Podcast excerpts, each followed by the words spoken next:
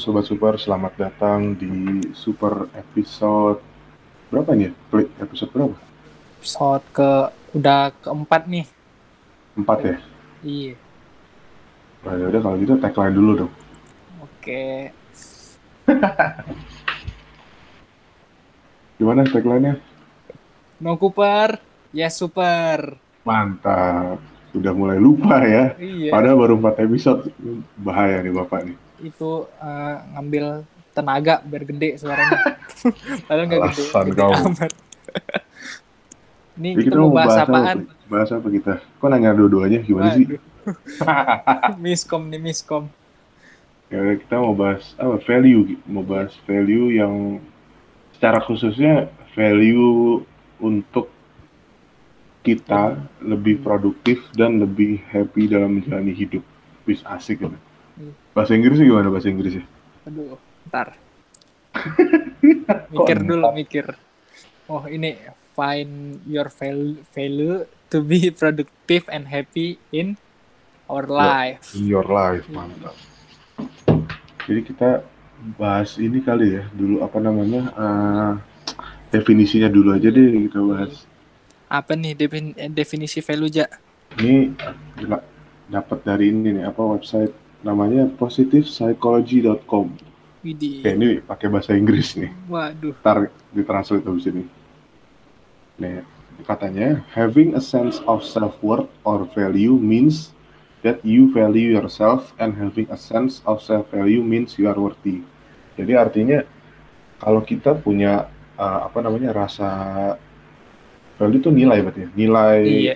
diri kita sendiri berarti kita menghargai diri kita dan kita merasa layak untuk apa ya la- ya layak aja gitu ya maksudnya eh, layak entah untuk itu dihormati atau di per- apa namanya diperlakukan dengan baik oleh orang lain gitu. Ini juga dari, ada dari Merriam-Webster. Waduh. Dia ahli psikologi kayaknya. Psikolog ya. Kayaknya ini soalnya website-nya positif psikologi pasti psikolog hubungannya. Keren keren. Baru Nih, tahu kata, tuh. kata dia, a feeling that you are a good person who deserve to be treated with respect. Tuh, berarti kan Waduh. perasaan eh, yang kita punya, yang kalau kita rasa kita adalah orang baik yang diperlakukan dengan Dengan hormat ya. Kalau respect kan hormat ya berarti. Hormat. Nah, Iya, hormat. Berarti inti dari value ini adalah ya nilai-nilai baik dari diri kita yang bisa kita berikan kepada orang lain. Intinya kan gitu. biar orang lain bisa menghormati ya.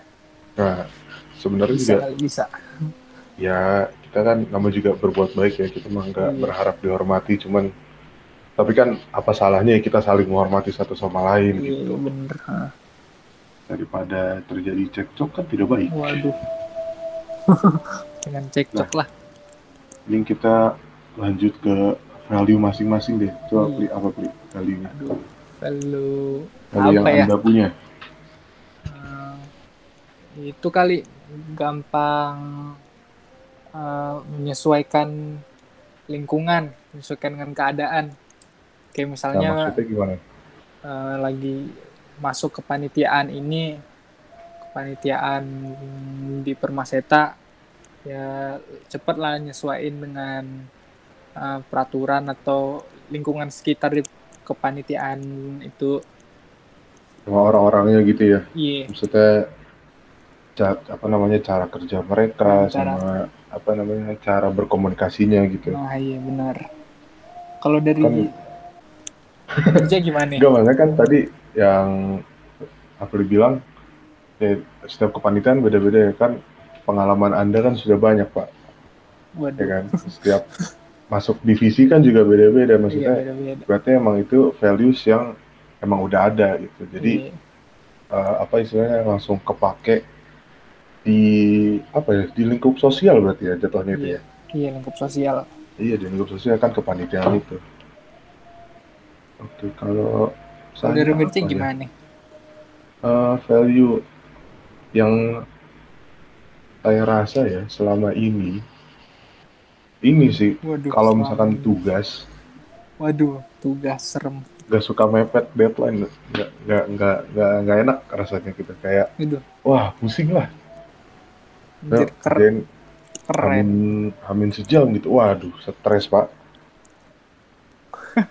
nggak nggak enak lah itu kalau Jadi apa ya? Tertekan ya. Jadi Heeh.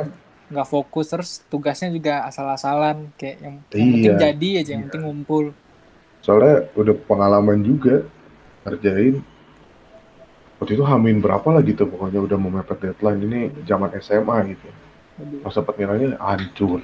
Ya. Mendingan dari situ kan belajar gitu. Iya dapat kalau value-nya. oh emang ternyata dari situ nemu value yang sampai sekarang ada gitu.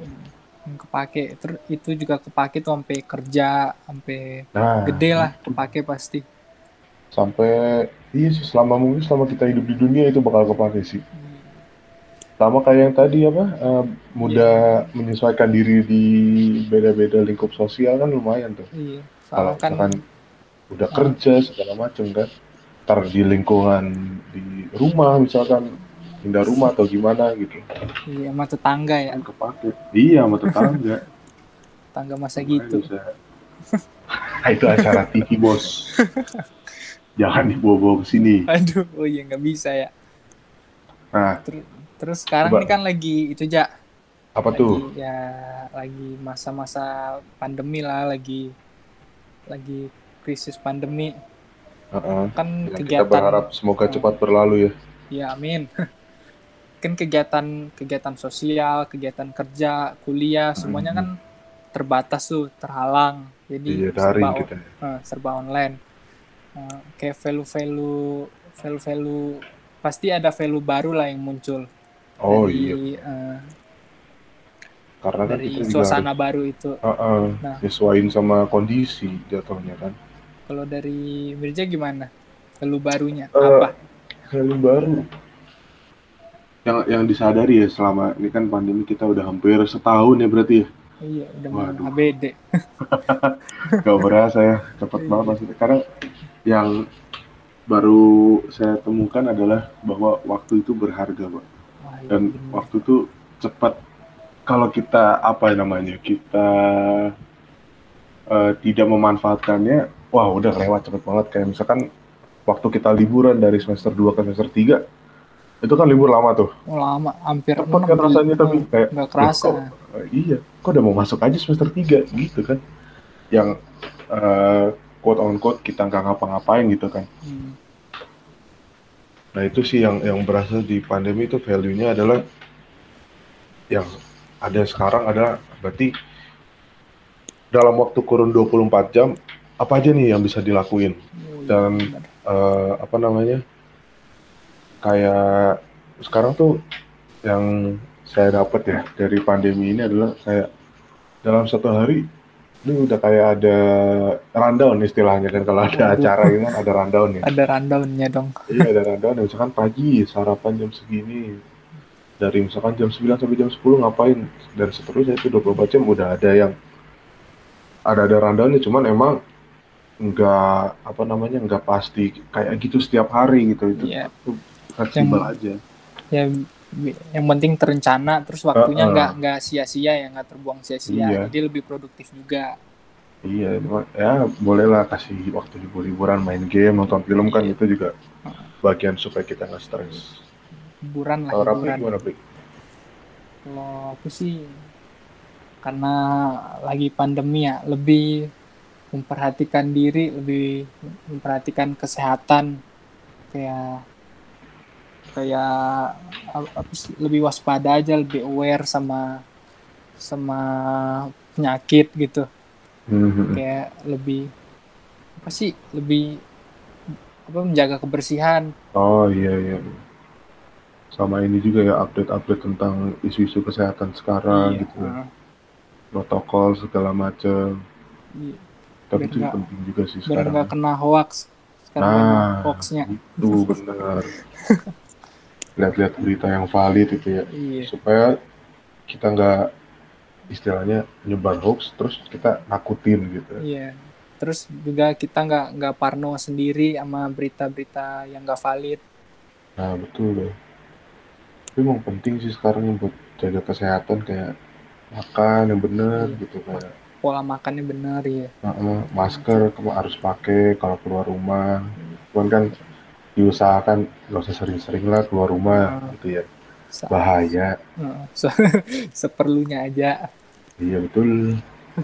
Ya kalau lagi pengen ya tahan dulu lah gitu Iya, ya. Kalau penting banget lah baru keluar rumah. Hmm. nah kan tadi kan kita udah apa namanya eh, selama pandemi nih value baru yang kita yang kita rasa kita dapat gitu kan.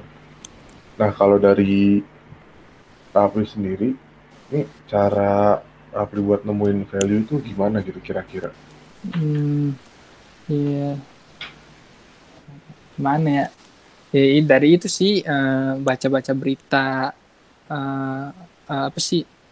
Memilah berita yang baik yang- dan yang mana yang baik, mana yang benar. Terus hmm, apa, apa ya? Aduh, ini sih kalau menurut saya ya value kan salah satu value menurut saya adalah ilmu itu kan value yang kita bakal pakai seumur hidup kita gitu kan ilmu itu Eh, Iya, dan benar. dari ilmu kan bisa dari berbagai macam platform gitu ya misalkan Nah, dari iya. entah platform berita atau Dari- bahkan misalkan kita nonton buku, film hmm. dokumenter nih itu ilmu Nah, kan iya. Iya, ilmu. eh. Nah ilmu, nah itu sama kayak misalkan contoh deh eh, di YouTube gitu. Di YouTube kan banyak ya tontonan gitu, segala Iya. macam mau dari podcast, dari gaming apa segala macam kan banyak olahraga gitu. Nah kalau kadang gitu ya, eh ini aku sering melakukan ini untuk misalkan lagi, aduh mau ngapain ya, akhirnya malah ini nonton ya Oh, dokumenter iya, YouTube bener. kayak Ah. misalkan eh dokumenter sejarah gitu Iya. atau kayak bahkan pernah nih waktu awal pandemi saking bingungnya mau ngapain klik nonton Terus ini ngapain? eh, apa namanya orang panen nonton orang panen Waduh, panen singkong oh dapetnya gede-gede banget jadi lapar. Makan Ih, singkong. ya tapi itu keren sih kayak nonton juga kayak modern farming di luar Hmm. negeri gimana gitu Mm-mm. luar biasa lah pokoknya dapat Nah, itu itu- dapat ilmu juga. Heeh. Sa- salah satu cara cara saya untuk mendapatkan value gitu. Atau juga bisa ikut webinar gitu kan banyak tuh Oh, sekarang ya webinar. Kan sekarang ya webinar apa sih? Ya buat mencari ilmunya. Terus macam-macam webinar sekarang pak. Ada yang tentang kan kalau yang ini sering ibu saya ikutin adalah tentang ini nih apa namanya human tuh? resource gitu. Waduh research kadang Iya, bener. lumayan didengerin juga. Wah ini kayak pelajaran semester 3 gitu kan apa? Matkulnya manajemen sumber daya manusia ya, Oh, iya, MSDM MSDM ah. iya akhirnya ngerti juga. Tapi ya yang unik sih kadang misalkan kalau lagi ngobrol sama ibu saya gitu kan kadang dapat ilmu juga. Ada ilmu ilmu kehidupan ilmu cara mengatur uang itu kan lumayan value Karena dari kan- ber- berarti dari itu ya dari ceramah dari Ngobrol. nasihat ah, dari obrolan ngobrol iya kadang nggak nggak harus sama orang tua juga sih kalau mau dapat Iya, value atau ilmu itu dari iya. teman sebaya juga bisa atau misalkan yang umurnya di bawah kita pun juga bawah bisa kita. gitu kita nggak boleh mengunderestimate walaupun dia lebih muda sebetulnya harus- pengalamannya Nah, lebih tinggi iya. lebih banyak harus apa namanya kita banyak-banyak cari inilah kita eh, apa ya nilai lah nilai nilai. entah kehidupan entah atau apa pun itu ya kan sekarang nih apa ya eh, di rumah doang gitu ya. Iya. Kadang kan stres ya. Iya. stres diem karena doang ya? Iya kegiatannya itu aja itu aja gitu. Nah. Jadi berarti Kalau- nyari ilmunya nih bisa jadi kegiatan produktif ya. Nah iya. Nah itu kalau Apri menurut Apri gimana cara jadi produktif? Ya, Sama sih lebih kalau aku sih melalui media HP ya kayak lihat berita dari sosial media sama paling ada baca-baca sedikit baca buku tapi itu jarang sih. Cuma Nah. itu kalau udah benar-benar apa ya udah benar-benar nggak ada kegiatan Kan baca buku juga bisa dari HP sekarang, e-book banyak iya tuh. oh iya benar Macam-macam lagi. Ya kan lebih enak sekarang, nggak harus ke toko buku, Buku, kan ya. lagi pandemi gini kan. Susah. udah gampang lah ya sekarang Iya. digital Cuman kan kalau itu kan tadi cara produktif menurut kita ya kan. Nah, ini kan coba kita cari sumber yang lebih valid ya dari Kompas. Waduh, dari kompas Di Kompas ada artikel tentang 7 tips agar menjalani hari lebih produktif. Yang pertama, nah jangan terlalu tidur, eh jangan tidur terlalu larut malam. Begadang lah ya. Ayo begadang nggak ada Jangan. artinya aduh Nah betul kalau kata Haji Roma begadang iya. jangan Tidak ada begadang kalau artinya. tidak ada artinya. Cuman kalau kadang ya mau nggak mau ya kalau misalkan kita lagi kuliah banyak tugas tidurnya jam 1, jam 2 gitu ya. Nah, iya. Kadang mau nggak mau ya. Cuman kalau menurut dari artikel Kompas ini jangan sih. Iya. eh, apa namanya? Karena katanya tidur lebih awal itu merupakan langkah jitu untuk mengawali hari. Karena kalau kita tidur terlalu malam dan harus bangun pagi tubuh kita nggak nggak punya waktu istirahat yang cukup. Jadinya jadi kita lesu tidak bertenaga nggak fokus mudah marah berdampak negatif pada pekerjaan atau aktivitas itu bener sih. Cobain aja kurang tidur terus ketemu orang. Pasti sensi. Iya. Apa apa Bener, marah. udah udah pernah ngerasain. Ada apa lagi Pli jawab Pli yang nomor dua. Eh, masih berhubungan sama yang tadi ya. Lebih apa sih buat jadwal bangun tidur yang yang tetap. Jadi ah. ses- kayak misal bangunnya habis subuh atau bangunnya jam jam 6 biar lebih produktif paginya lebih banyak kegiatan yang dilakuin di pagi hari Iya sih. Kalau misalkan kita jadwal tidurnya nggak tepat kan misalnya tiba-tiba lah bangun jam 3 sore mau ngapain gitu kan. iya udah sore udah bingung terus bang bangun bangun pusing Iya, nah itu benar. Gak enak ya, mendingan jadwal pagi bangun misalkan eh, olahraga gitu di rumah. iya. Oh iya bisa tuh. Jadi lebih fresh ya lebih segar ngejalanin Heeh. hari. Itu juga ntar kalau misalkan kita berkegiatan di dalam hari itu misalkan kayak ada olahraganya itu pasti ntar malamnya tidur lebih gampang. Jadi itu lagi balik ke yang poin pertama tidurnya lebih gampang lebih cepat jadi bisa bangun lebih pagi gitu. Iya bener. Nah berarti terus kan kita udah apa namanya Kenapa? terus selan- selanjutnya apa nih? Kan tadi kita bahas olahraga kan. Nah ini katanya poin tiga adalah untuk lebih produktif kita jangan malas berolahraga. Bener bener bener Oh. biar lebih sehat juga ya. Karena- iya betul. Kan sekarang lagi banyak penyakit ya. Nah, Eh, pandemi covid. Penyakit yang lain pun masih ada itu jangan dilupakan Iya, juga gitu iya. bahwa nggak nggak Semua cuma ini- covid aja ya, penyakitnya. Heeh. Bisa kita tuh rentan gitu tubuh kita. Nah, so- kalau olahraga efek dari olahraga itu badan kita bergerak dan bisa meningkatkan sirkulasi darah. Jadi badan kita lebih segar dan banyak oksigen gitu yang lebih masuk ke kita. Jadi kita lebih fokus. Iya. Kan kadang kalau Lebih- kurang oksigen kita suka nguap gitu ya. Iya suka Jadi nguap. gak enak kan kalau misalkan lagi ada rapat nih atau apa zoom meeting tuh tiba-tiba nguap kan. Iya. Waduh ntar nggak dinilai orang. diliatin. Ah, iya dinilai orang. Ah orang nih orang nggak fokus gitu kan. Ntar dicap pemalas lagi. Nah itu. ini dia suka males-malesan nih kerjaannya nguap mulu. Iya dipikir wah ini nggak bener nih kerjanya kan. Nggak enak kan. Kalau Iya. gitu. nah mendingan kita olahraga. Olahraga lah mis eh ya setidaknya tiga atau empat kali lah seminggu. Iya nggak harus Sudah. tujuh tujuh hari Nggak. olahraga terus. Iya harus ada istirahatnya juga. Iya betul. Capek lah olahraga terus. Pastikan badan kita mesti kasih istirahat. Iya pegel-pegel yang ada ntar. Ah ah. apalagi plik? Tipsnya plik dari kompas. Kalau dari kompas ini jangan lupa sarapan di pagi hari. Sarapan Wah, di pagi hari ya itu di apa sih? Di bowl jangan sarapan dirangkap sama makan siang nah Cuma bukan gitu. sarapan namanya itu mah udah nggak tahu apa ya namanya. Iya. Jatuhnya udah makan siang aja berarti itu ya. Iya. Malah jadi banyak makan siang. lewat. Nah, makan Iya, siang banyak kenyang jadinya ngantuk, nggak nggak produktif. tidur siang deh, bangun-bangun sore. Ya udah harinya hilang aja. Nah, ini kan kalau sarapan jadi lebih bertenaga, ada ada tenaganya lah. Jadi lebih semangat Pasti. buat buat nyalanin harinya. Iya, cuman kalau sarapan harus pilih juga yang punya nutrisi atau bergizi Hmm. buat kita, jangan cuma asal kenyang. Asal kenyang.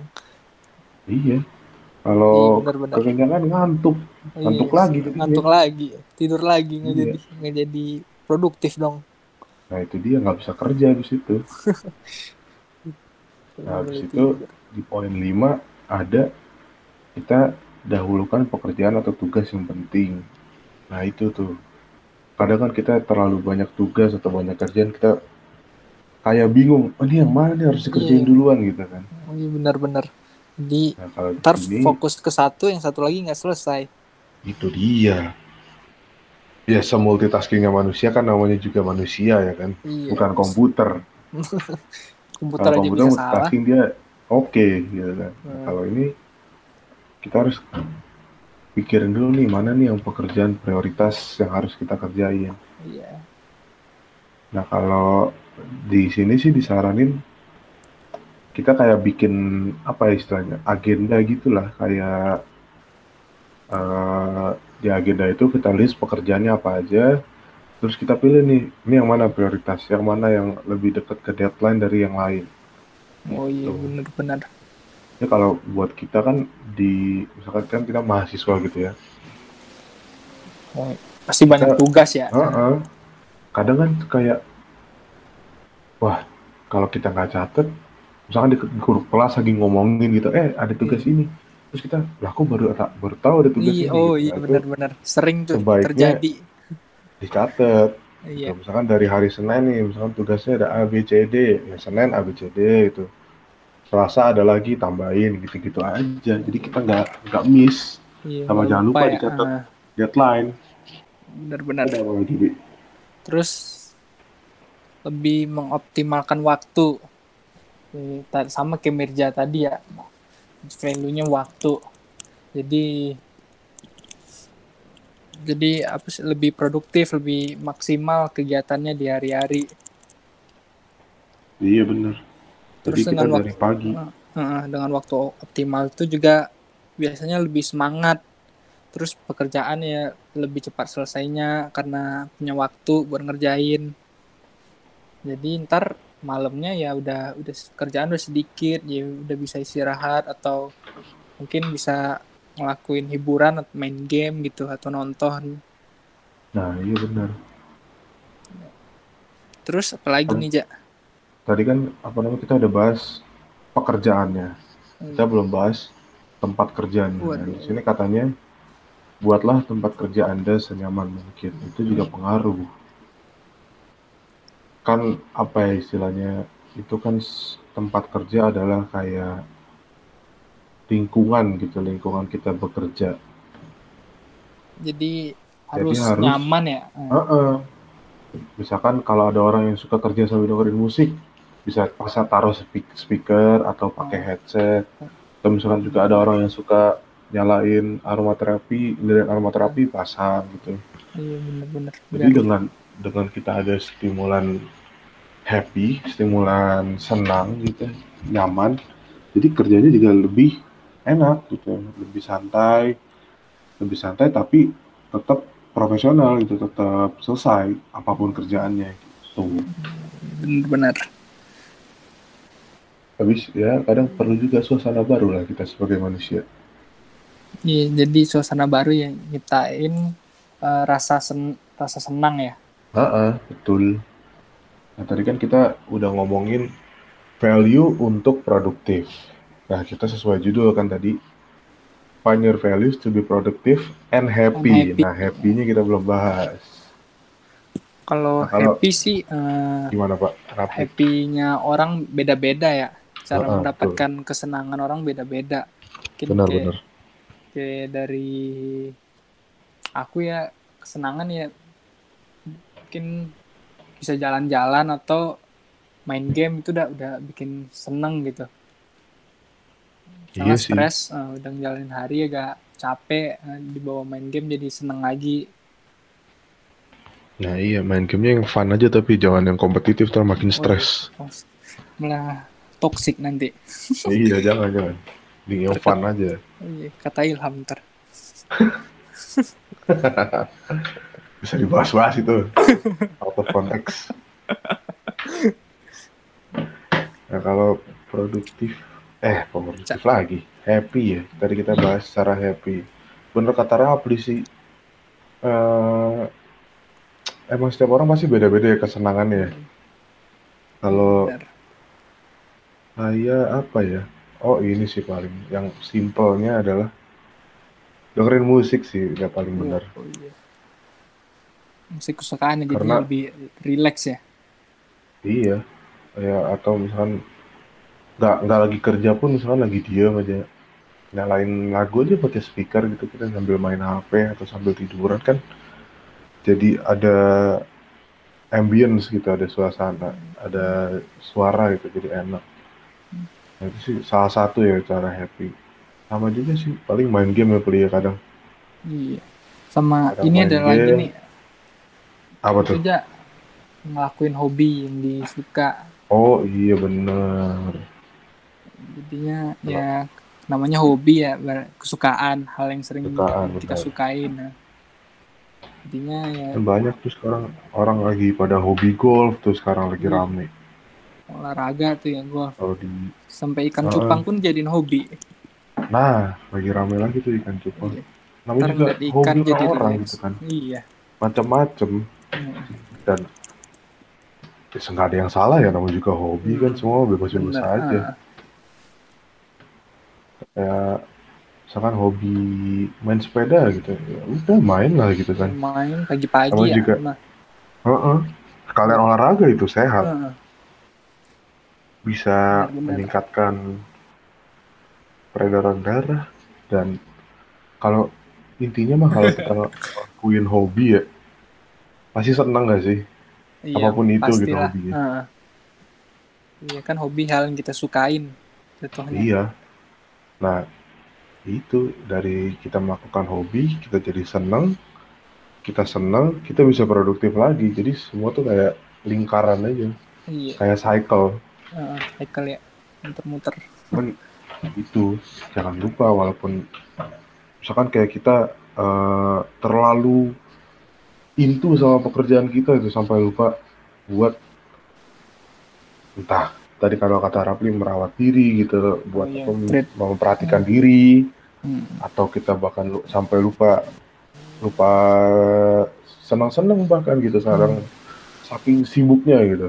Iya. Sampai lupa senang-senang.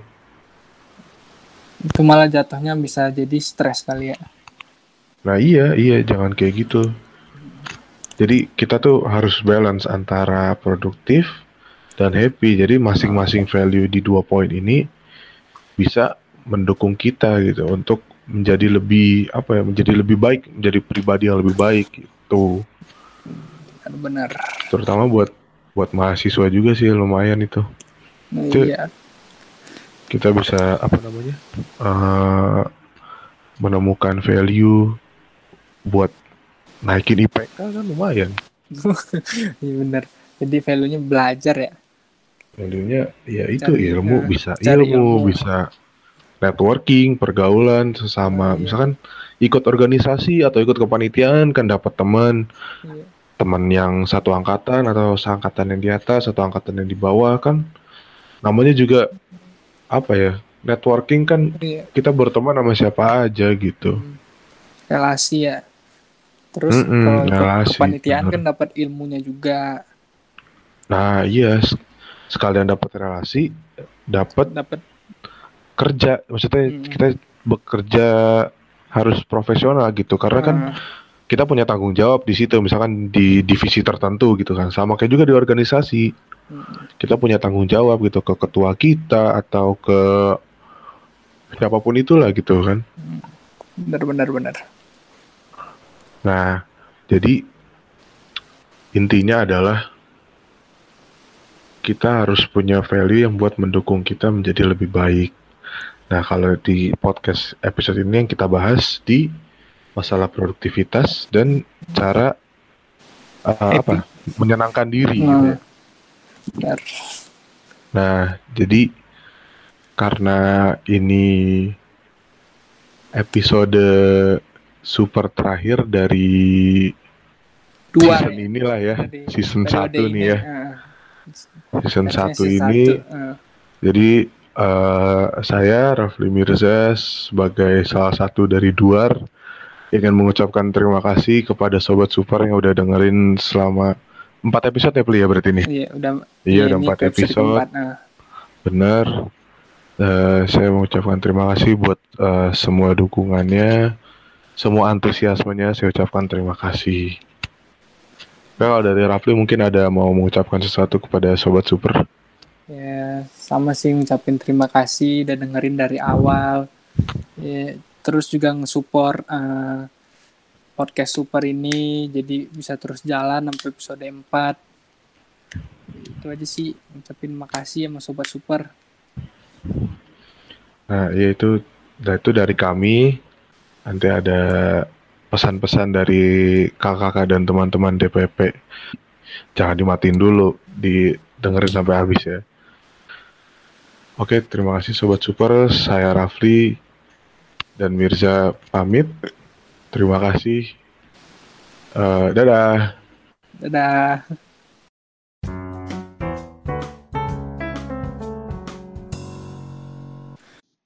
Sobat Super, perkenalkan saya Putri Stefani sebagai Sekretaris Umum Permaseta.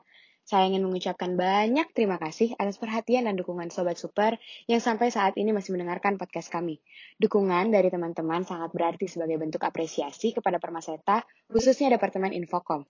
Semoga semua yang sudah disampaikan dapat memberi dampak positif bagi teman-teman yang mendengarkan ya. Oh iya, pandemi belum juga berakhir nih. Tetap semangat ya. Podcast Super masih bisa didengerin teman-teman untuk temenin kalian yang di rumah aja. Stay safe semuanya. Salam profesi. Halo Sobat Super, saya Rizky dari Departemen Kaderisasi. Di sini saya ingin mengucapkan terima kasih untuk Sobat Super yang sudah setia mendengarkan podcast Super sampai episode 4. Oh ya buat Sobat Super yang masih galau atau bingung mau ngapain dan ingin berkegiatan lebih produktif lagi, saran dari saya jangan capek untuk mencari apa yang kamu sukai, apa yang kamu cintai dan apa yang kamu butuhkan dan gali terus potensi diri yang ada di dalam diri kamu. Nah, dari sana kamu bisa mendapatkan kegiatan-kegiatan yang lebih bermanfaat dan lebih produktif lagi pastinya. Semangat terus sobat super. Halo sobat super. Aku Felicia dari Departemen Penelitian dan Pengembangan mau ngucapin banyak-banyak terima kasih buat sobat super yang sudah setia dengerin super dari awal hingga akhir. Semoga episode ini bisa bikin kalian lebih sayang sama diri kalian sendiri. Aku juga mau ngucapin terima kasih karena sudah bertahan sampai sejauh ini. Keadaan memang sulit, tapi bisa bertahan sejauh ini itu sudah merupakan suatu pencapaian yang sangat besar loh. Sampai ketemu di pencapaian besar selanjutnya. Semangat selalu!